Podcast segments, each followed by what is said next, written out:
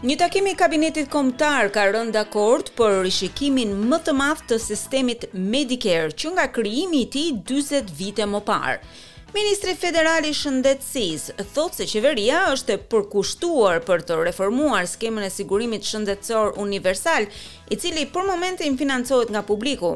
Megjithatë, ai thotë se ndryshimi nuk do të jetë as i shpejtë dhe as i lirë. Ndjekim raportin.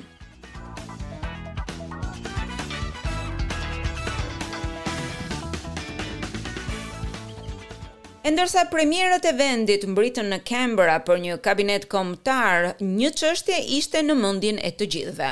Premieri i Viktorias, Dan Andrews e bëri të qartë. Well today there needs to be a recognition by National Cabinet that health reform, ongoing health reform, particularly of Medicare, is the number one priority for twenty twenty three. Sot i gjithë kabineti kombëtar duhet ta pranojë se reforma shëndetësore, reforma e vazhdueshme shëndetësore, veçanërisht e Medicare, duhet të jetë prioriteti numër një për dy mijë e njëzet e tre. E kur mendojmë për këtë, nuk ka qenë kurrë më e vështirë të gjesh një mjek Dhe kjo natyrisht ka sjellë presion të vërtetë mbi sistemin tonë shëndetësor. Takimi dyorësh përfundoi me një rezolutë për të riparuar sistemin shëndetësor të Australisë. Kryeministri Anthony Albanese renditi prioritetet. Part of the issues are people are turning up at emergency departments because they don't have other options. We need to improve primary health care. We need to improve Pjesë e problemit është fakti që njerëzit paraqiten nëpër departamentet e urgjencës për arsye sepse nuk kanë mundësi të tjera. Na duhet pra të përmirësojmë së pari kujdesin shëndetësor, të përmirësojmë mundësinë e marrjes së shërbimit të mjekut të përgjithshëm. Duhet të sigurohemi gjithashtu që ata persona të cilët janë banorë të shtëpive të kujdesit për të moshuarit të mos kenë nevojë të paraqiten nëpër departamentet e urgjencës. Duhet të punojmë gjithashtu edhe me sistemin e NDIS, reforma e kujdesit për personat me aftësi të kufizuara. E brenda problemit përfshihet dhe një rishikim i skemës së Medicare. Pagesat për mjekët e përgjithshëm janë ngrirë për një periudhë dhjetë vjeçare.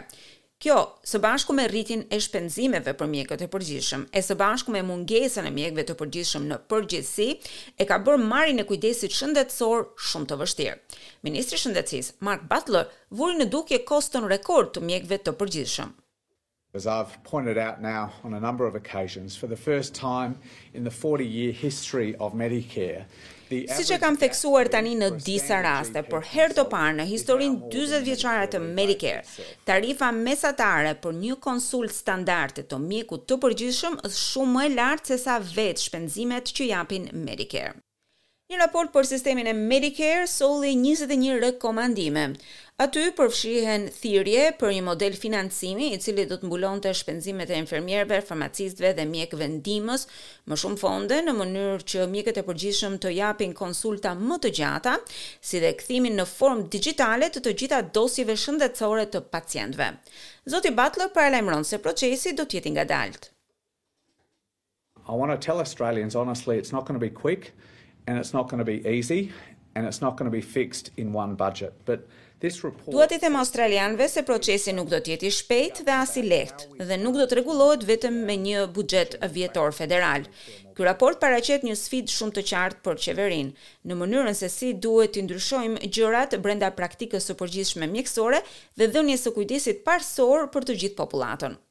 Presidenti i Shoqatës Mjekësore Australiane, Steve Robson, shpreson se buxheti i vitit dy mijë e njëzet e tre do të tregojë disa ndryshime më të shpejta. There is absolutely nothing in the report at the moment that will provide anything immediate and that is what we need. We know that the budget is coming in May. Nuk ka absolutisht asnjë rekomandim në këtë raport i cili do të sillte një ndryshim afatshkurtër dhe për këtë kemi nevojë. E dimë se buxheti do të vijë në maj dhe australianët presin që ky buxhet të ketë prioritet shëndetësinë. Qeveria federale tashmë ka vendosur që shtatëqind e pesëdhjetë milion dollarë t'i dedikohen Medicare vetëm gjatë tre viteve të ardhshme. Ministri i Shëndetësisë nuk përjashton edhe rritjen e kësaj shume në buxhetin e ardhshëm të majit.